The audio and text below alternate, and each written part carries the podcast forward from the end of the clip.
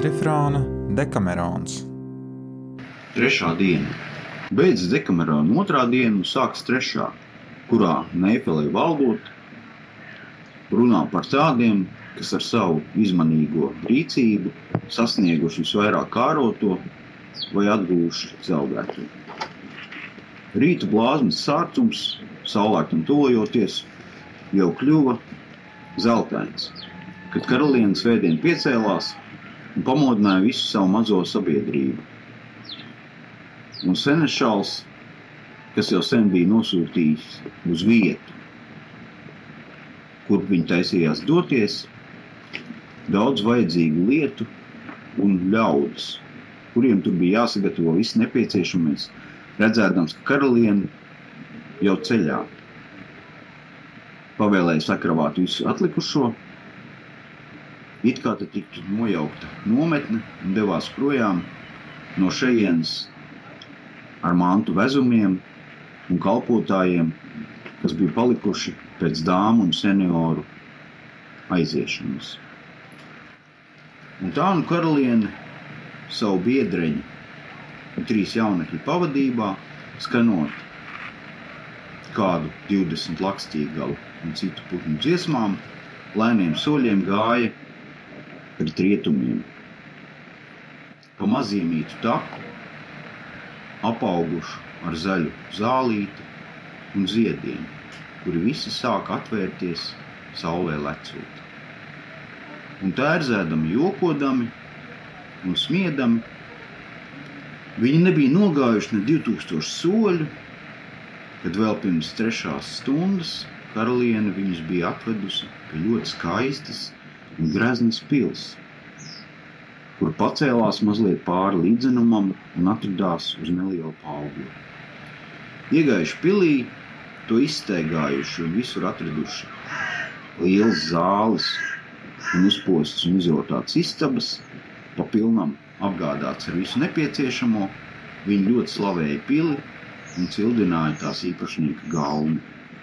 Vēlāk, kad viņi nokāpa lejā un ieraudzīja ļoti plašo un jauko pagalmu, pagrabus pilns ar visādiem labumiem, vīniem un avotus ar visvēsāko ūdeni, kuru te bija pa pilnam, viņi slavēja visu vēl vairāk. Kad vēlāk, it kā gribēdami atpūsties, viņi bija apsēdušies uz terases, no kuras varēja pārredzēt visu pagalmu, un kur viscaur bija nokaisīti ar zā, zariem un ziediem, kāda vien sastopama šai gada laikā, ierādās gādīgais senešals un atspridzinājumam pasniedz viņiem visizmeklētākos saldumus un vislabākos vīnus.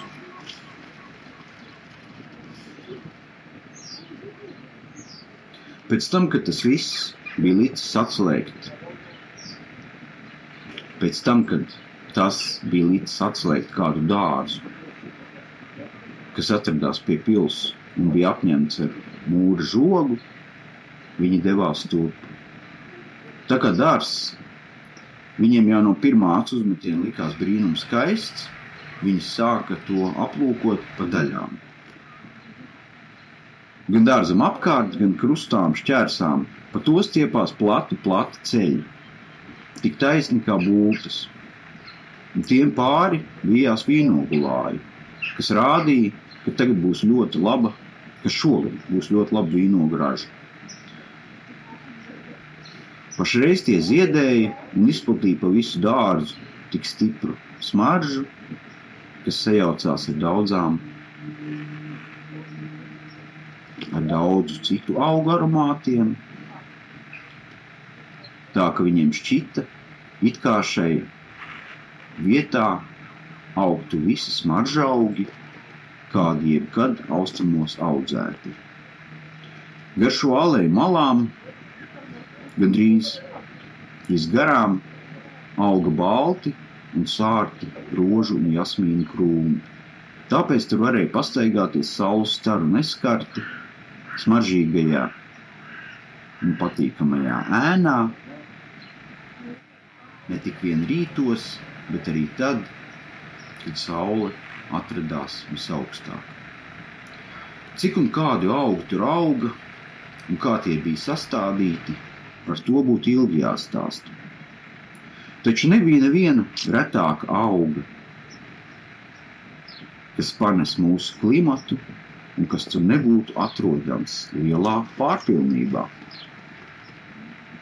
Dārza vidū atradās mauriņš. Tas nebūtu nebija mazāk, bet varbūt vēl vairāk, iekā ievērojams par visu pārējo, kas tur bija. Ar vismalkāko zāli, tik tumši zaļu, ka tā šķita gan arī melna.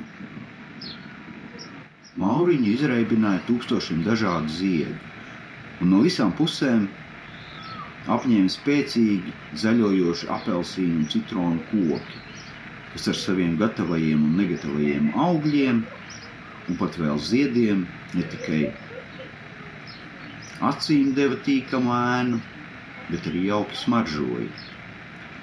Šī mauriņa vidū atradās strūkla no visbaltākā marmora ar visbrīnišķīgākajiem izcīņiem.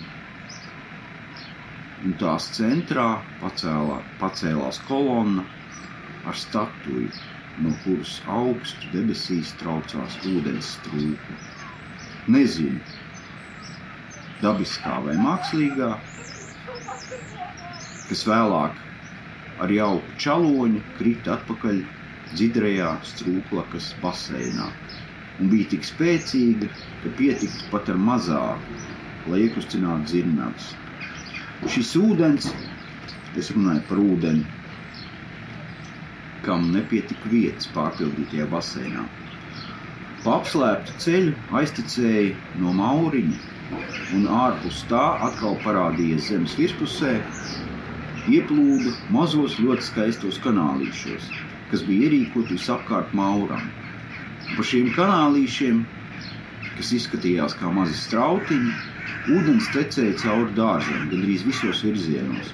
Līdz beidzot kādā vietā, kur strautiņi savienojās, aiztecēja no skaistā dārza un dzidrā straumē traucās uz ieleju, un to vēl nesasniedzis, ar milzīgu spēku grieza divas zirnavas.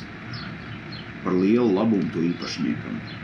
Dārza izskats tā skaistais izkārtojums, augi un strūklaka ar strautiņiem, kas no tās iztecēja, tik ļoti patika ikvienai dāmai un trim jaunekļiem, ka tie visi vienā balsī ņēmās apgalvot, ka viņi nezinot, kā gan citādi ierīkot paradīzi, ja tā būtu iespējama zemes virsū. Ja ne gluži tāpat kā šo dārzu nedz arī dzem, spējot iedomāties, kādus jaukumus vēl varētu tam pievienot. Un tā nu, kamēr viņi ļoti priecīgi pastaigājās pa dārzu, vīdami viskaistākos vainagus un dažādu koku zariem, visu laiku klausīdamies gandrīz vai 20 dažādu putnu balsīs, kuri dziedāja, it kā sacenšoties cits ar citu, Viņi ieraudzīja kaut ko sevišķi skaistu, ko agrāk jūsmodam par pārējiem jaukumiem nebija pamanījuši. Un proti, viņi ieraudzīja dārzā varbūt pat simt dažādu sugu dzīvniekus, ļoti jaukus un mīlīgus, un viens otram tos rādīja. Vienā vietā izlīda trusīši, otrā laikā zaķi, kādā citā gulēja stirniņas un ganījās jaunie brieži. Un vēl daudz citu vienmīlīgi dzīvnieki, gluži kā pieradināti, jautri klejoja savā vaļā. Tas viss kopā ar pāriem jaukumiem viņus vēl vairāk iepriecēja. Kad viņi bija jau gandrīz izstaigājušies, kad viņi bija jau diezgan izstaigājušies, aplūkojot gan šo, gan to, pie skaistās strūklakas, lika klāt galdus, un šeit vispirms nodziedājuši sešas dziesmiņas un izdejojuši dažas dejas, izpildot karalienes vēlēšanās, vēlēšanos, visi sēdās pie galdiem. Kad nu viņi lieliskā, jaukā un mierīgā kārtā apkalpoti bija kļuvuši jautrāti. No labajiem garšīgajiem dzērienu ēdieniem viņi piecēlās no maltītes, atkal uzsāka spēles, dziesmas un dejas. Kamēr karalienē likās, ka lielā karstuma dēļ pienācis laiks iet atpūsties tiem, kas vēlas.